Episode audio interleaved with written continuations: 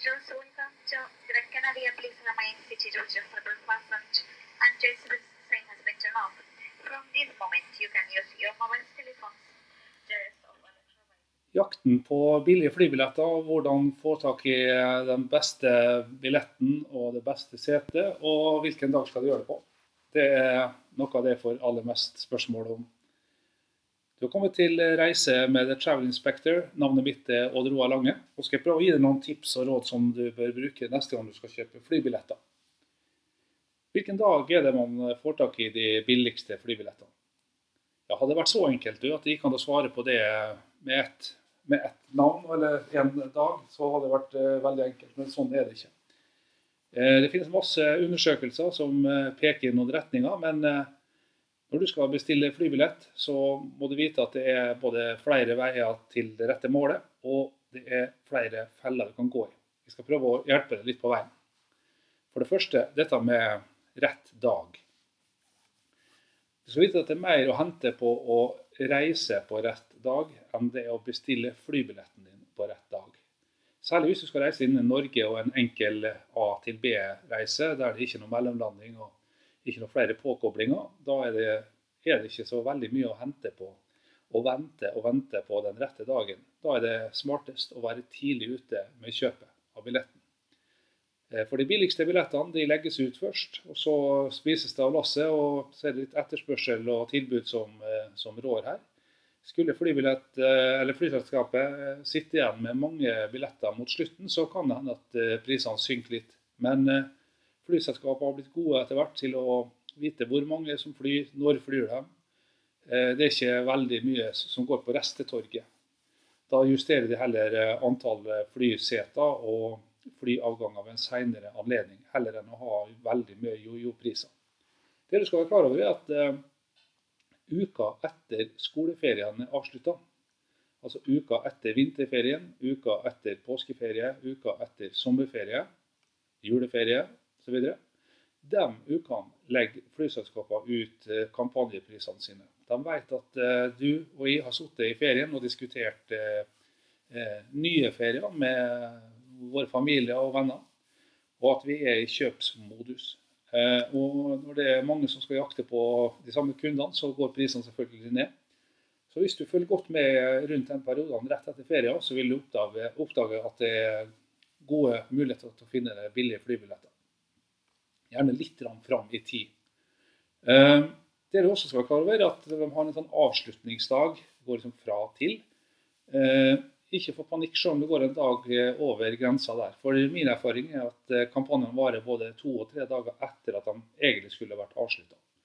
Så det er håp, selv om du har vært litt seint ute denne gangen. Er det da ikke noe spor å gå etter i forhold til hvilken ukedag de billigste billettene er å få tak i?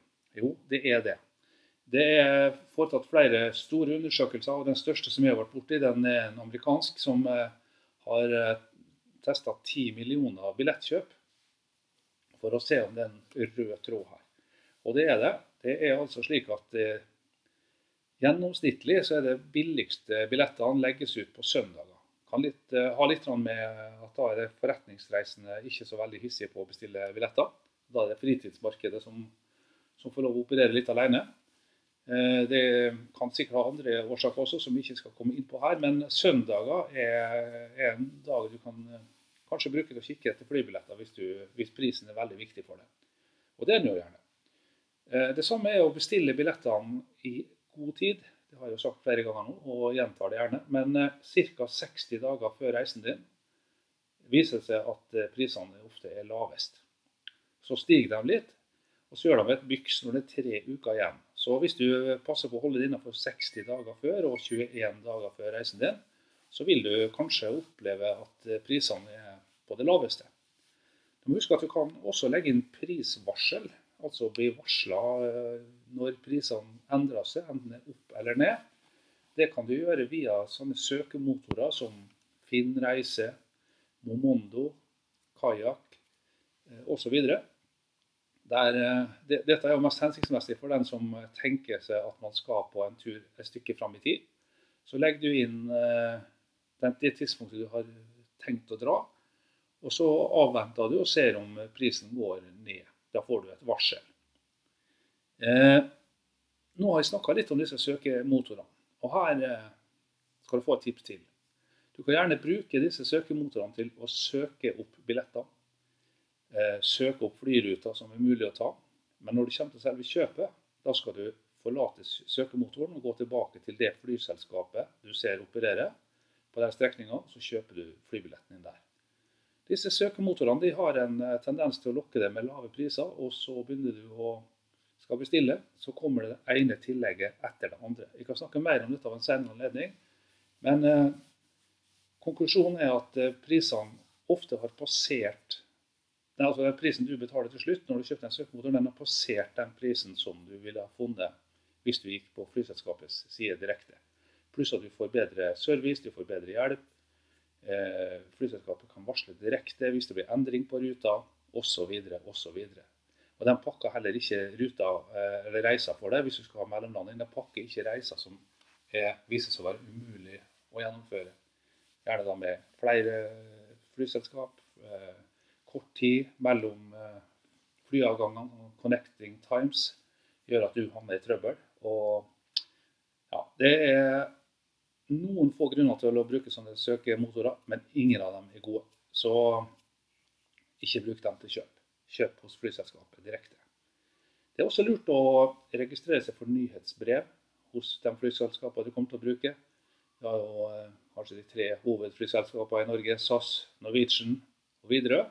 Men kanskje hvis du skal ut av landet, så kan KLM, Lufthansa, Finnair, kanskje noen av lavprisselskapene i tillegg. Bare registrer deg på nyhetsbrevet, så får du varsel gjerne minst 24 timer før alle andre eh, om at nå eh, setter i gang med kampanjen. Hvis ikke før alle andre, så får du selvfølgelig samtidig som de andre med nyhetsbrev. og Det er jo ikke bare en håndfull, det, men eh, du får det i hvert fall før du finner annonser på, på ulike nettsteder. Nyhetsbrev er en smart ting. Hvor skal du sitte på flyet? Ikke uvesentlig det heller. Eh, går du bare etter pris, så kan du selvfølgelig spare litt på å ikke bestille sete, setevalg. Min erfaring er at det er en god investering. Gjerne 75 kroner eller 100 kroner. Og folkens, med respekt å melde, så utgjør det vel ikke det store summen i reisebudsjettet. Det. det er bedre å kunne få akkurat det setet du har lyst på. Hvis du eh, lurer på er det, hvor er det det gode setet hen. da. Det er ikke så lett å vite det hvis du ikke har vært inne på flyet og sett. Da kan du eh, først se på den billetten du har kjøpt. Så ser du hvilken flytype som brukes. Så kan du gå på nettstedet seatguru.com, altså seatguru, engelsk seatguru.com. Og så søker du bare opp der, og så får du se et kart og en kartskisse over, eh, over setene. og Der hjelper de også med å si hva som er gode og dårlige seter.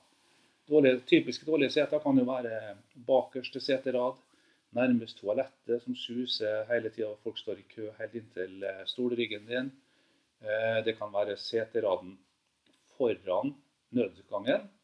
Altså siste, ned, eh, siste rekka der, som gjør at du kanskje ikke kan slå ned seteryggen din hvis det er et poeng. Og apropos det, ikke slå ned seteryggen før du har sjekka at det er greit for dem som sitter bak.